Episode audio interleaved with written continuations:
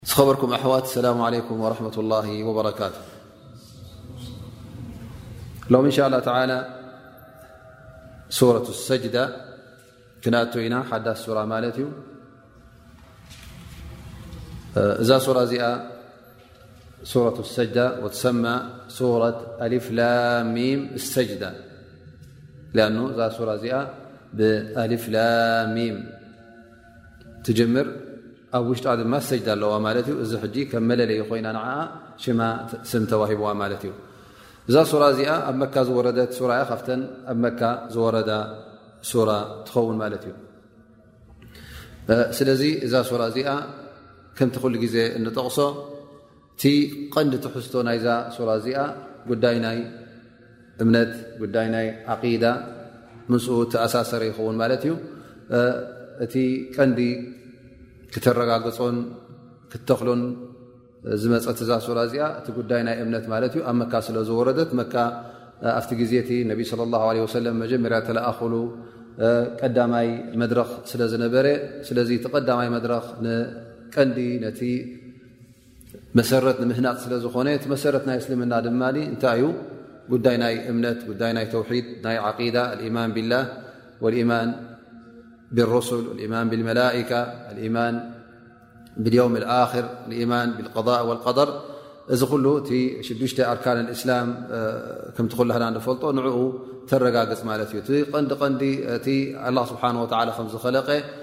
ነዚ ጉዳይ እዚ እቶም ሙሽርኪን ዳርጋ ቐበልዎ እዮም ነሮም ኣላ ስብሓን ወተላ ፈጣሪ ከም ምኳኑ ሰማይን መሬትን ከም ዝፈጠረ ንዕኦም ከም ዝኸለቀ ይኣምኑሉ እዮም ላኪን እቲ ቀንዲ ሽግር ዝነበረ ኣምልኾት ኣብ ክንዲ ንኣላ ስብሓን ወተላ ሂቦም ንዕኡ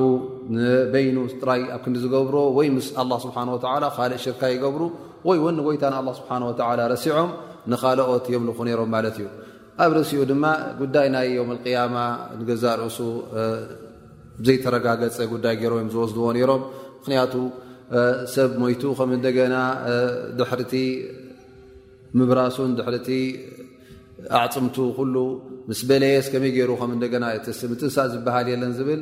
ነዚ ጉዳያት እዚ ፈፂሞም ዳርጋ ይኣምኑ ይነበሩን ስለዚ ኣብ ጥርጠራ ስለ ዝነበሩ ነዚ ጉዳይ እዚ ኣላ ስብሓን ወተላ በዚ ኣያታት እዚ ገይሩ የረጋግፀሎም ማለት እዩ ዝኾነ ኮይኑ ኣብ መካ ዝወር ዝነበረ ሱራ ከምቲ ዝበልናዮ ኩሉ ብዛዕባ እቲ ቀንዲ ኣገዳስነቱን ቀንዲ ትሕዝቶናቱ ናብ ናይ ተውሒድ ዩ ንበሎ ኢልና ግን ስብሓላ በር እቲ ሱራታት ክንሪኦም ከለና እቲ መፃፅኣ ናቱ ወይ ከዓ እቲ ኣገባብ ናይቲ መርትዖን ጭብጥታትን ዘምፅኦ እተፈላለየ መገዲ ዝሓዘ ይኸውን ማለት እዩ ኣብ ሱረት ሉቅማን ስብሓ ጉዳይ እሳውን ኣብ መካኣ ወሪዳ ጉዳይ ናይ እምነት ጉዳይ ናይ ዓቂዳ እውን ዝሓዘት እያ ላኪን ትሕዝቶናታ እንተ ርእናዮ እቲ ኣብ መፃፅኣ ናይቲ እምነት ከመይ ገይሩ ኣላ ስብሓን ወተላ ነቶም ኣብ መካ ዝነበሩ ከመይ ገይሩ ነቲ ናብ እምነት ዝፅውዕ ነጥብታትን ጭብጥታትን መርትዖታትን ኣላ ስብሓን ወተላ ከመይ ገይሩ ከም ዘምፃሎም ርኢና ማለት እዩ ሕጂ እውን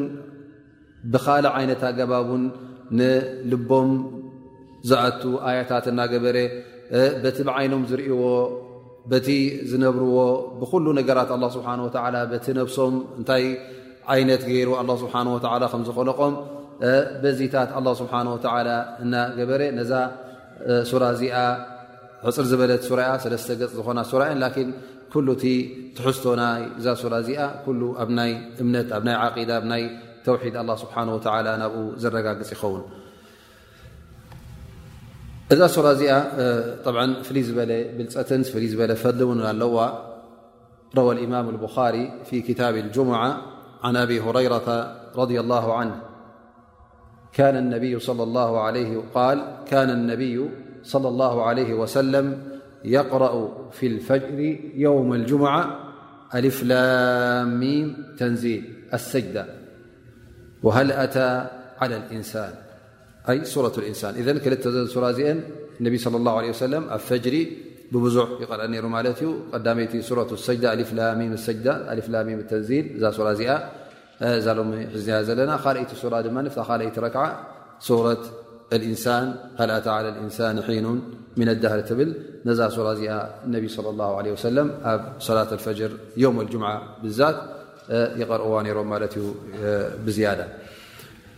እዚ እዩ ፈሊ ናይዛ ሱራ እዚኣ እቲ ቁርን ገዛእ ርእሲ ኩሉ ብዓቢኡ ቃል ኣላ ስብሓን ወተላ ስለ ዝኾነ ዓብዪ ብልፀት እዩ ዘለዎ ላኪን ገለገለ ሱራታት ኣላ ስብሓን ወተላ ፍልይ ዝበለ ብልፀት ይቦ ሱረት ልፋትሓ ኣዕዘመ ሱራ ኢሎም ነቢ ለ ላ ሰለም ታ ዝዓበታ ዝበለፀት ሱራ ኢሎም ጠቂሶማ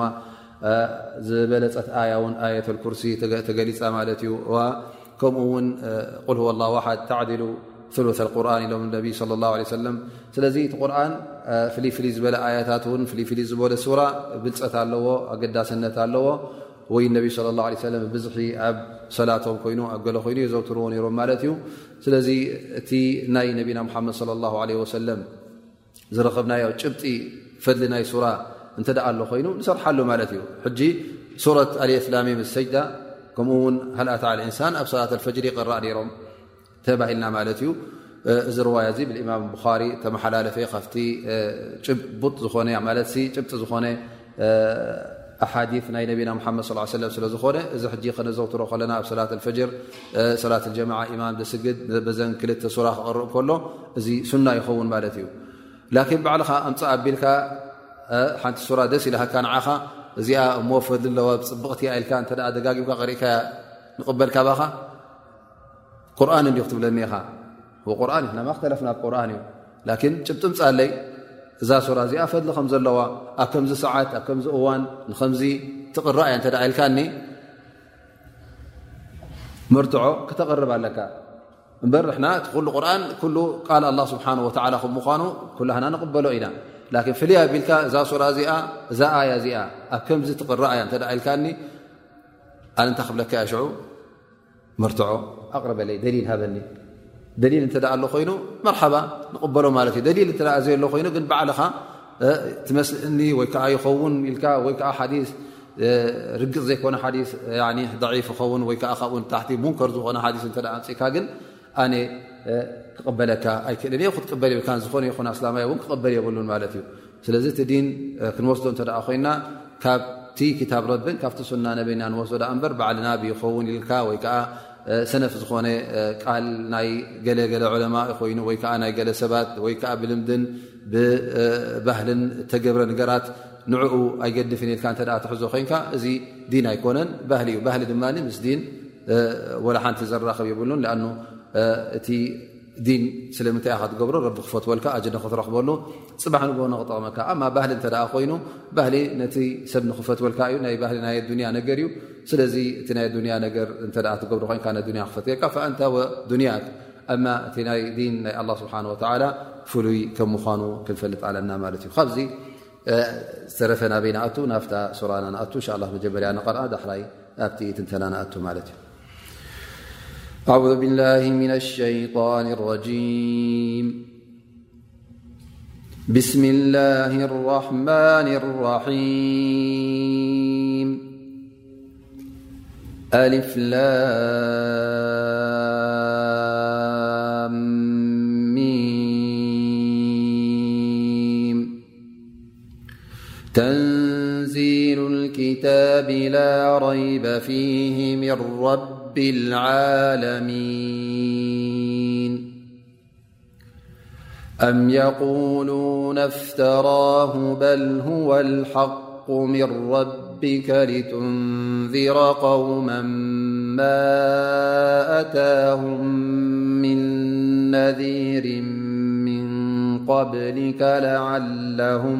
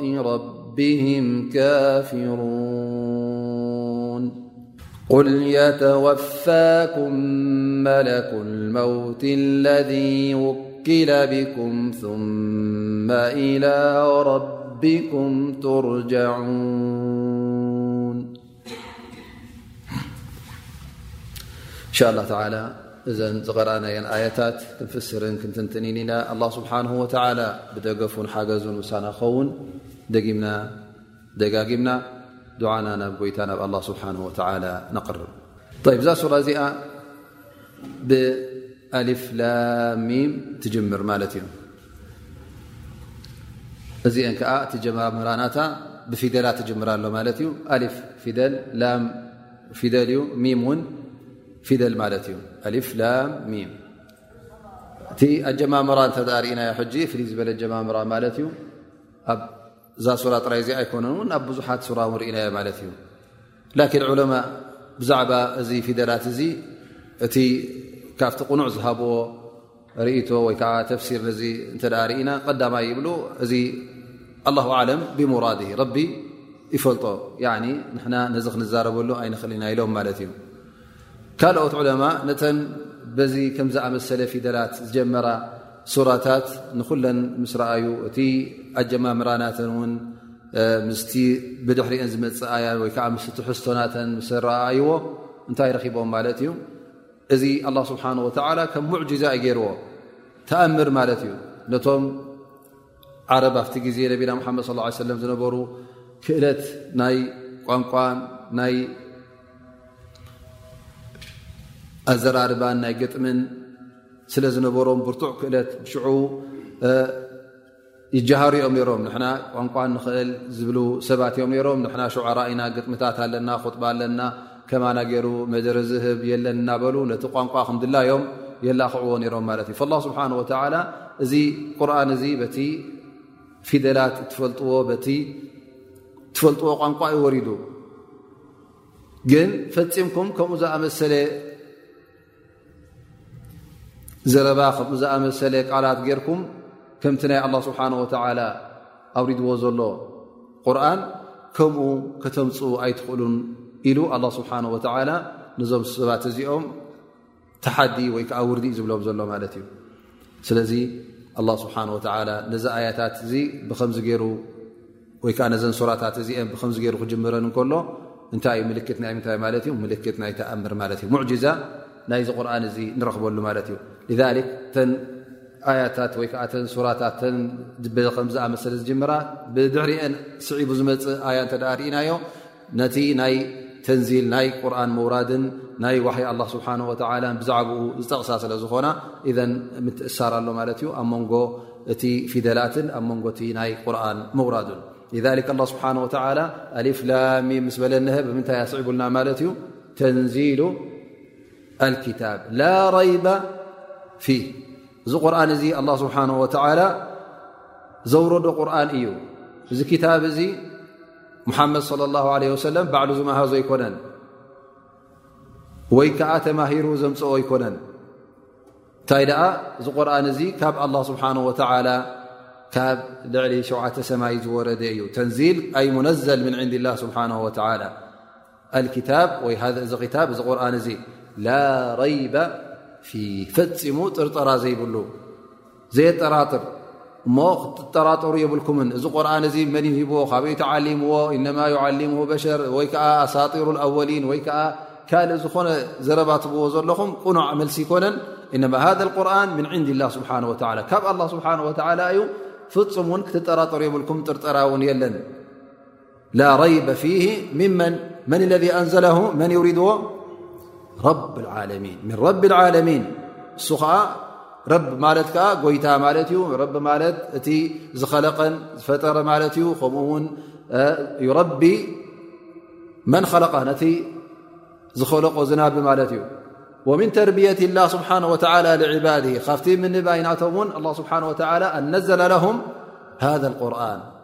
ልያህተዱ ብሂ ምእንቲ መገዲ ረቢ ሒዞም ንክኸዱ መገዲ ሓቂ ሒዞም ንክኸዱ ካብቲ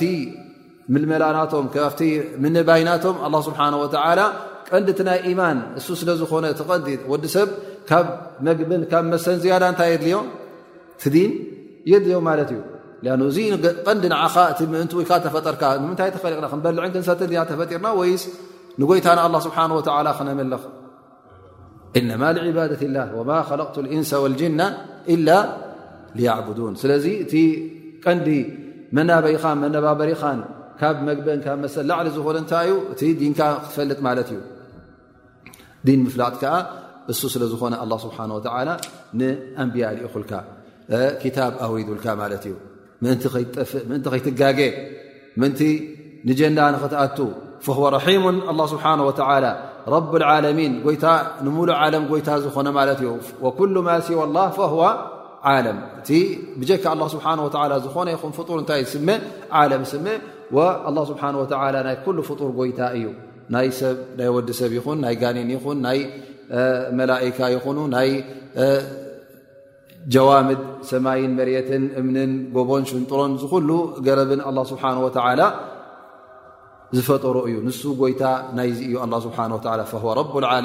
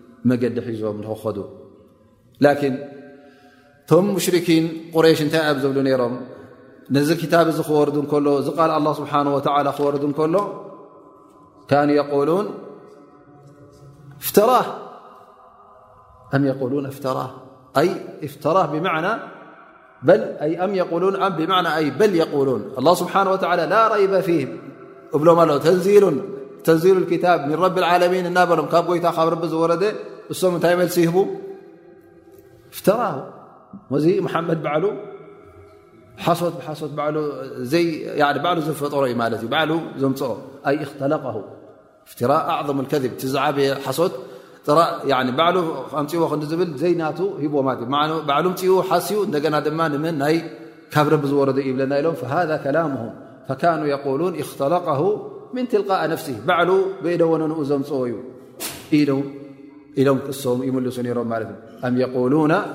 እፍተራ ሃኡላ ሙሽርኪን እዞም ሰባት እዚኦም እዞም ምእማን ኣብዮም ዘለዉ እንታይ እዮም ዝብሉ ነይሮም እዚ ቁርን እዚ ካብ ረቢ ዝወረደ ኣይኮነን ካብ ጎይታና ዝወረደ ኣይኮነን እንታይ ደኣ ሙሓመድ ባዕሉ ዝብሎ ዘሎ እዩ ብኢደወነንኡ ዘምፅኦ እዩ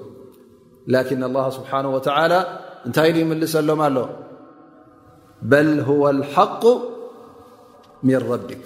ያ ሙሓመድ ወኣንተ ያ ሙስተምዕ እዚ ቁርን እዚ ብሓቂ ብሓቂ ሓቂ ሒዙ ዝመፀ ካብ ሓቂ ዝወረደ እዩ ትሕዝትኡ ሓቂ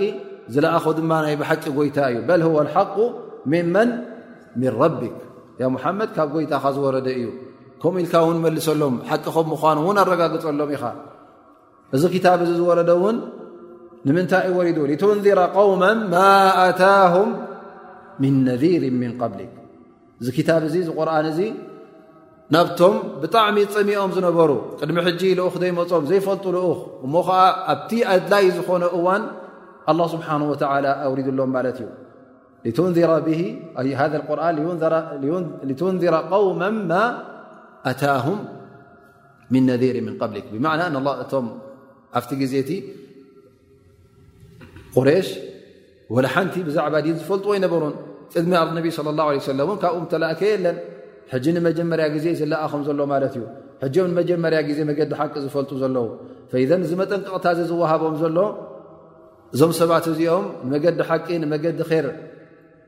ዘብርሃሎም ኣላ ስብሓን ወተዓላ እዚ ክታብ እዚ ውሪድሎም ማለት እዩ ነዚ ነብይ እዚ ነዚ ልኡኽ እዚ እውን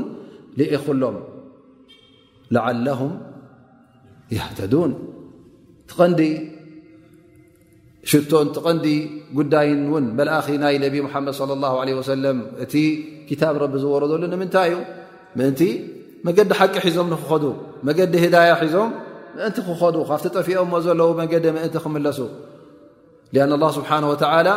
የወዱ ለሁም ይር ፈ ኣርሓሙ ራሒሚን ረቢ ኣላ ጎይታ ስብሓን ወተላ ብጣዕሚ ይርህርሃሎም ስለ ዝኾነ ነዞም ሰባት እዚኦም ልኡኽ ልኢኹሎም ክታብ ኣውሪዱሎም ምእንቲ ናብ መገዲ ሓቂ ሒዞም ንክኸዱ ካብቲ ዘለዎ ጥፍኣት ምእንቲ ንክምለሱ ማ ዩዘኪርሁም ላ ስብሓን ወተላ መን ምኳኑ ኣላ ስብሓን ወተላ እውን የዘኻኽሮም ኣሎ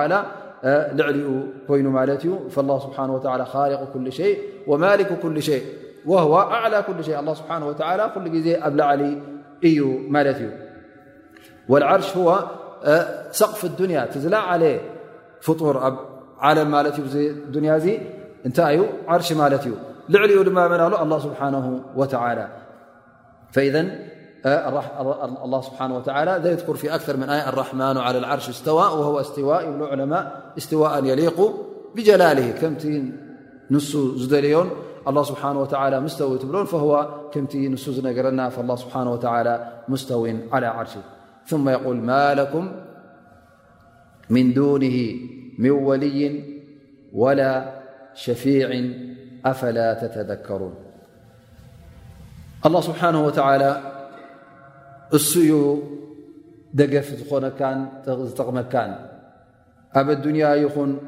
ኣብ ኣኼራ ንሱ ወናኒ ናይ ኩሉ ስለ ዝኾነ ኣላ ስብሓን ወተላ ድላዩ ገባሪ ስለ ዝኾነ እንተ ደኣ ደገፍ ደሊኻ ካብ ምን ክትጠልብ ኣለካ ካብ ኣላ ስብሓን ወላ ማለኩም ምን ዱን ምን ወልይ ውላያ ማለት ደጋፍን ሓጋዝን ማለት እዩ እዘን ኩሉ ግዜ ናብ መን ክትፅጋዕ ኣለካ መፀግዒ እተ ደሊኻ ናብ ጎይታ ናብ ኣላ ስብሓን ወተላ ወላ ሸፊዕ ኣብ ቅድሚ ኣላ ስብሓን ወተላ እንተ መንጎኛ ክኸውን ደልዩ ዝኾነ ይኹን ክጠቕመካ ይክእልን እዩ ኢላ ብእዝኒ ላ ስብሓ ወላ መን ዘ ለذ የሽፈዑ ኢላ ብእዝኒ ላ ስብሓን ወተላ እዘን ኣሕፅር ኣቢልካ ናብ መን ክትከይዳ ኣለካ ናብ ጎይታ ላ ስብሓን ወላ የል እድዑኒ ኣስተጅብ ለኩም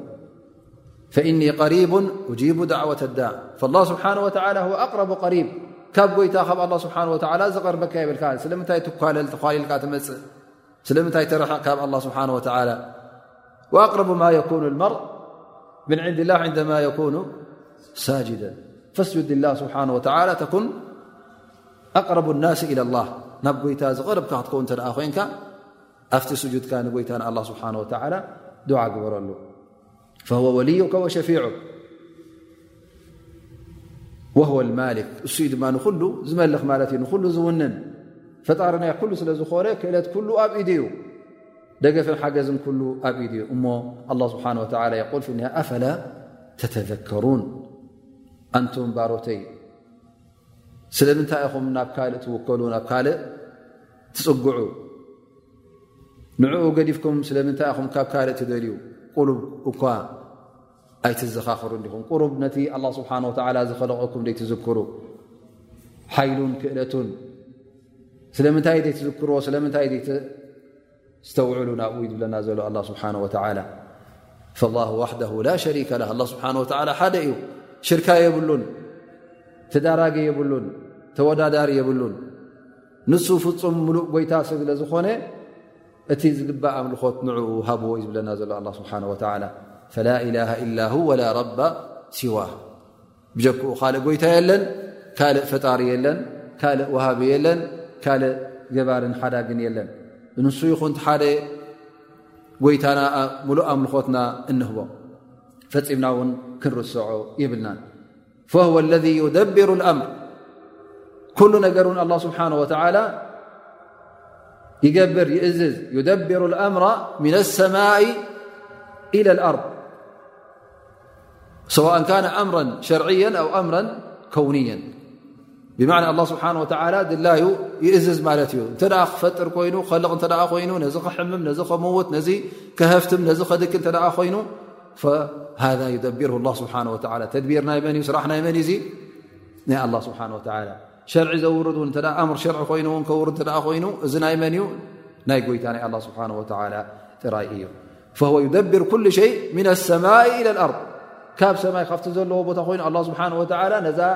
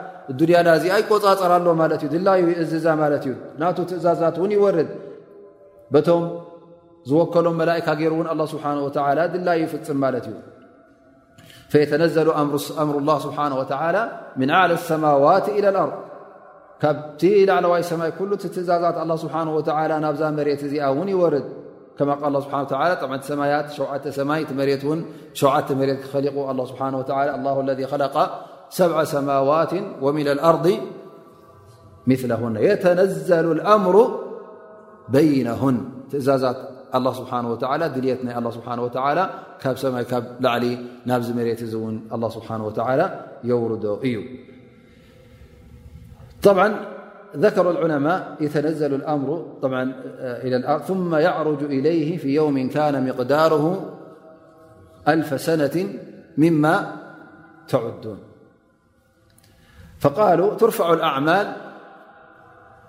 إلى ديوانها فوق سماء الدنيا أعمال كيبكل بل علماءشمكمرملالت ل تفسير تلهم ثم يعرج إليه بعاأسرمت يعرج إليه عنكتحت عمل ن وسب كب كله نق الله سبحانه وتعالى يذيب مالت في يوم كان مقداره ألف سنةألف سنة قالوعاالنبي صلى الله عليه وسلم ذكر أن المسافة بين الأرض واسماء الدنيا عام وسمق السماء عام فهو عامفالأعمال تسعد من الأرض إلى اسماء الدنيا نرسمالت مع الصمك ألف عام توسد هذا التفسير بمعنى أنه يعرج إليه في يوم كان مقداره ألف سنة التفسير الآخر قال مجاهد وقتادة والضحاك أنته لم قالو هو النزول من الملك إلى الأرض في مسيرته م عام وسعوده في مسيرة عام يعني الملك عندما يؤمر لأخم كلخ سماي الدنيا نتي لمالت خورد عام ثم يصعد ثم يعرج عام فهولف عام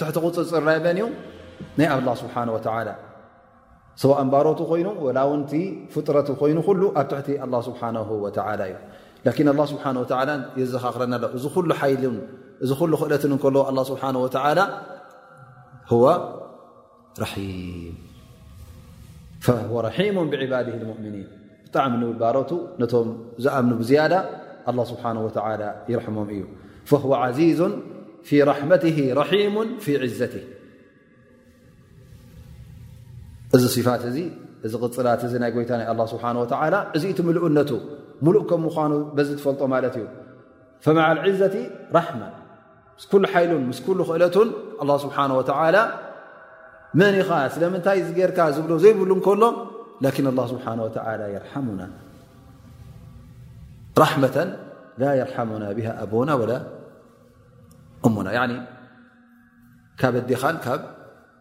ኣቦኻን ዝያዳ ሓ ነቢ ص ه ሰለ ሓደ ግዜ ትዝክርዎ ይኹም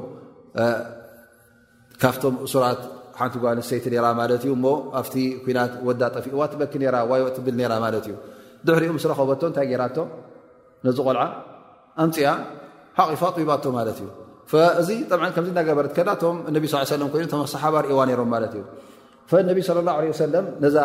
ጉዳይ እዚኣ ሕጂ ኢሎሞም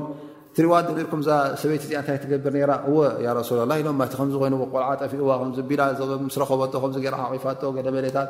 እሞ ኢሎም እዛ ሰብ እዚኣ ሕጂ ነዚ ቆልዓ እዚ ኣብ እሳት ኣእትውዮ እንተበልናያ እንታይ ትብለና ሃልቲ ደርብዮ ዘመስለኩም እዚኣ ሕጂ ያረሱላላ ጠፊእዋ ክትፅልል ደልያስ ባዕላ ብኢዳ ክተእትዎ ዘይከውን ነገር እዩ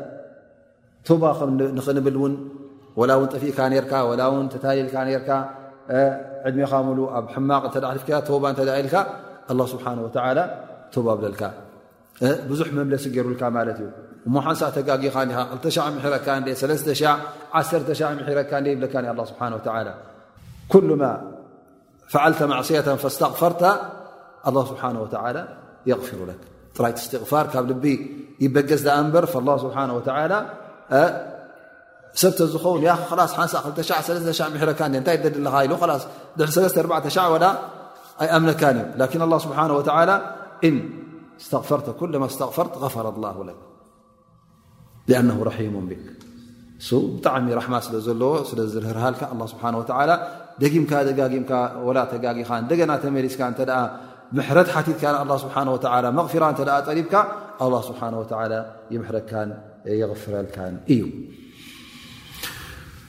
ብድሕሪ እዚ ኣላ ስብሓን ወተላ እውን የዘኻኽረና ማለት እዩ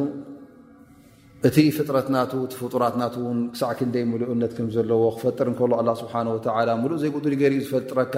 ዝበለፀ ፈጣጥራ ገይር እውን ዝፈጥር ን ኣላ ስብሓን ወላ ሓኪም ስለ ዝኾነ ነቲ ኣፈጣጥራ ናት እውን ብሕክማ እዩ ዝፈጥሮ ፈለ የቁል ላ ስብሓን ወተላ ኣለذ ኣሕሰነ ኩለ ሸይእን ኸለቀ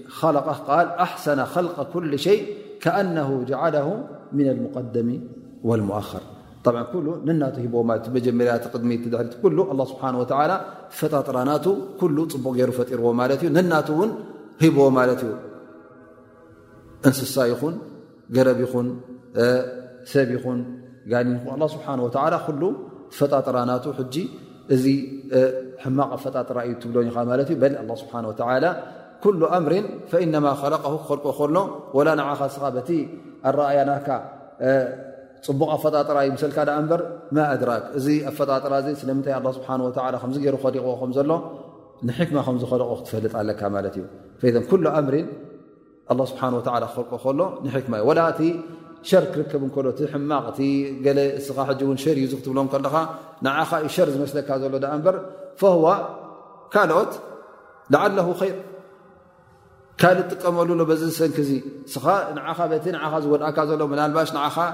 ሸር ኮይኑ ተሰሚዑካ ማለት እዩ ላኪን እዚ ነገር እዚ ሸር መሓጥ ዝበሃል ኩሉ ሸር ብኩሉ ሸነኻቱ ረቢ ዘውረዶ ነገር ብኩሉ ክፉ እዩ ትብሎ የለን ማለት እዩ ላኪን ላ ስብሓ ወላ ሙምን ንኻ ጎዳእ ኸውን ንኻ ሸር ይኸውን ላን ፊ መስላሓ ጥቕሚ ኣለዎ ማለት እዩ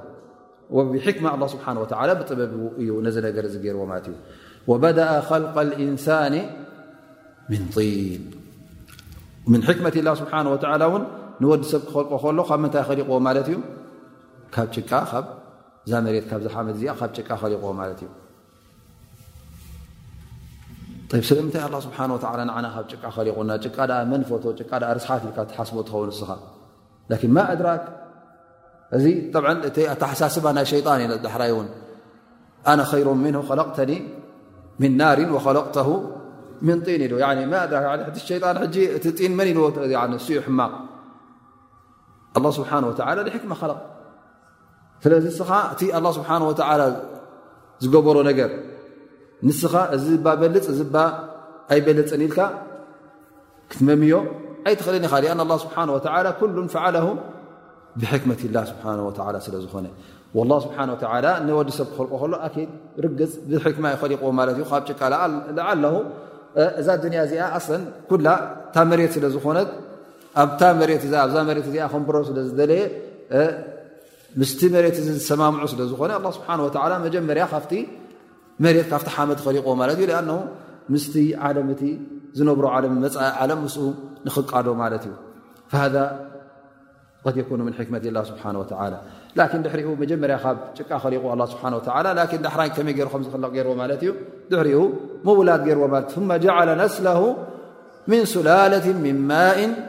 መሂን ብድሕሪኡ ግን እቲ ወለዶ ሰንሰለት ከመይ ገሩ ይኸይድ ገይሩ ኣላ ስብሓን ወተዓላ እናተዋለድካ ትኸይድ ማለት እዩ እቲ መጀመርያ ትፍጠረሉ እውን ጀዓለሁ ምን ማእን መሂን ካብ ማይ ወላ እዚ ማይ እዚ ወይ ከዓ እዚ ከም ትፋእ እዚ ዝሕሰብ ቀሊል ጌርካ ዝውሰድ ካብኡ ኣጀማምራ ናቱ ኣላ ስብሓን ወተዓላ ካብኡ ከምጅምር ገይርዎ ማለት እዩ እዚ ማእ መሂን ዝነበረ ፅባሕ ንግሆ እንተ ዓብዩ እተ ሃፍቲሙ ወይ ከዓ እተ ነጊሱ ክንደይ ሰብ የጥፍእ ክንደይ ሰብ የዋርድ ትረኽቦ ክንደይ ሰብ የበሳብስ ትረኽቦ ማለት እዩ ላኪን ለው ዘከራ ካብ መን ይኸሊቁዎ ካብ ምንታይ እዩ ተኸሊቁ ዓሊማ እንታይ ምፈለጠ ነሩ መን ከም ምኳኑ ምፈለጠ ነሩ ማለት እዩ ፈኢዘ ኣላ ስብሓን ወተላ እውን የዘኻኽረና ኣሎ መን እታ ከመይ ነርካ እንታይ ከ ከም ዝኾንካ እሞ ንስኻ ኣብ ትሕቲ መን ኢኻ ዘለኻ ኣብ ትሕቲ ቁፅፅር ናይ መን ኢኻ ዘለኻ መን ዩ ኸሊቑካ እዚ ሓይሊ እዚ ኸመን ይህቡካ እዚ ሃብቲ እዚ መን ይህቡካ እዚ ስልጣን እዚ መን ይህቡካ ንኽትፈልጥ ኣላ ስብሓን ወተላ የዘኻኽረካ ኣሎ ማለት እዩ ማ ጀዓለ ነስለ ምን ሱላለት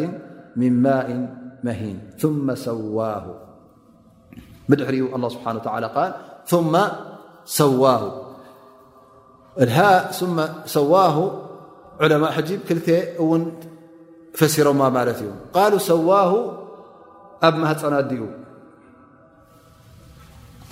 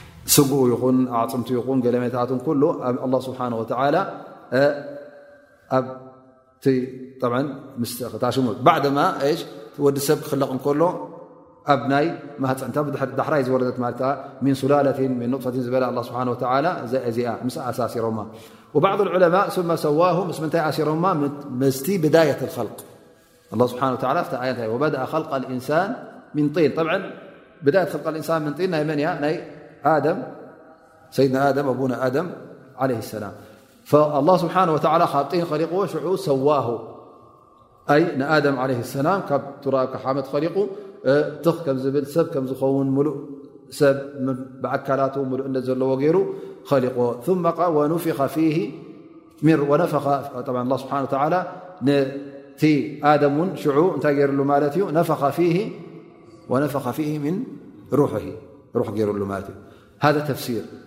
إذا الأمر سمترالت مع خلق آدم من طين وبعض العلماء سمت ر سترسعبت يا مالتست ثم جعل نسله من سلالة من ماء مهين ماء مهن ل سواه في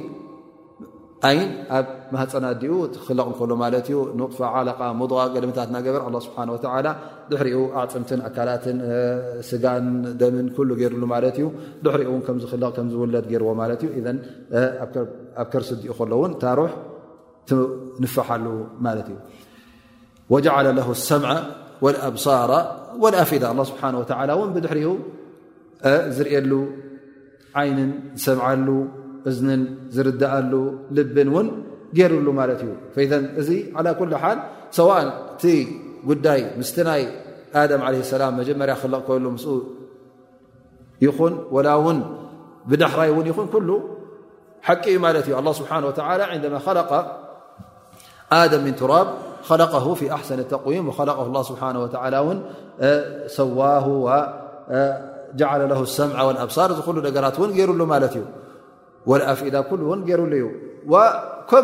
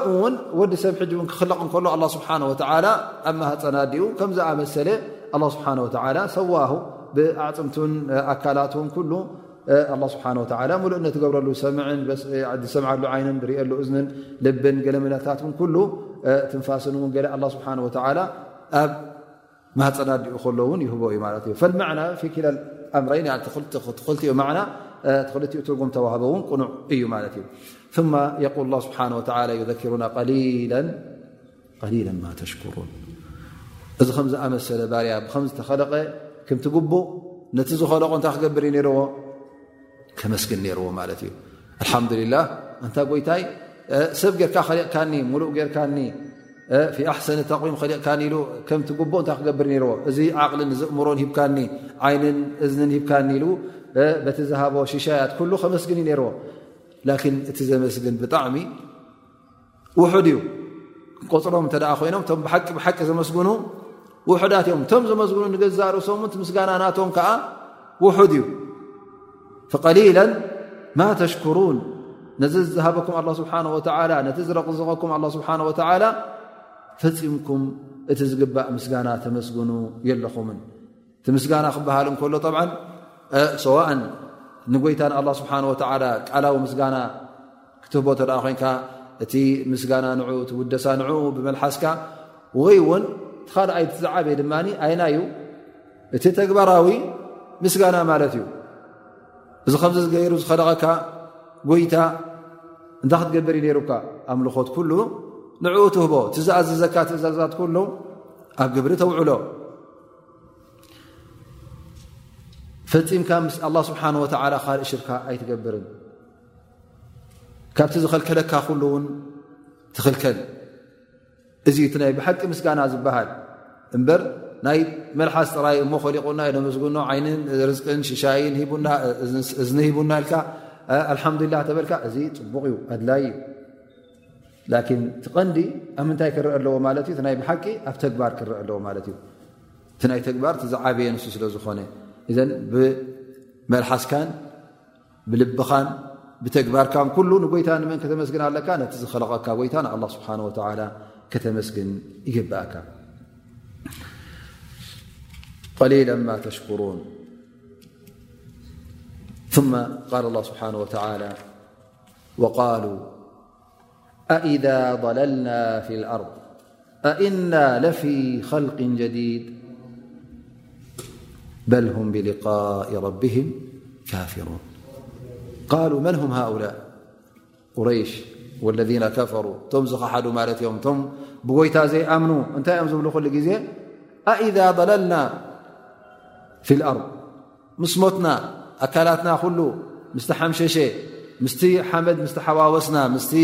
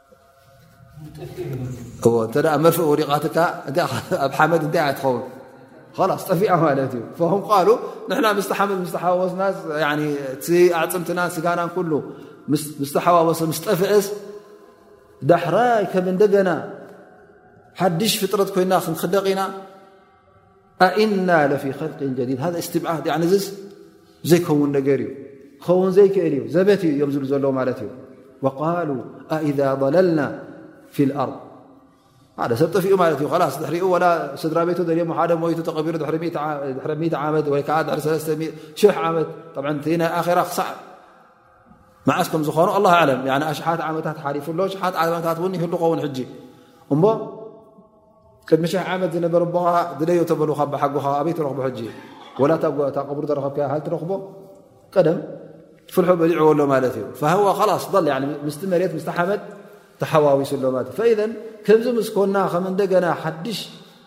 ፍጡራት ኮይና ክንክለቕ ዝበሃል እዚ ስቑኢልካ እዩ ኣእምሮ ዘይቅበሎ ዓቕሊ ዘይቅበሎ እዩ ኢሎም ነዚ ነገር እዚ ይነፅግዎ ነይሮም ማለት እዩ ጠብዓ እዞም ሰባት እዚኦም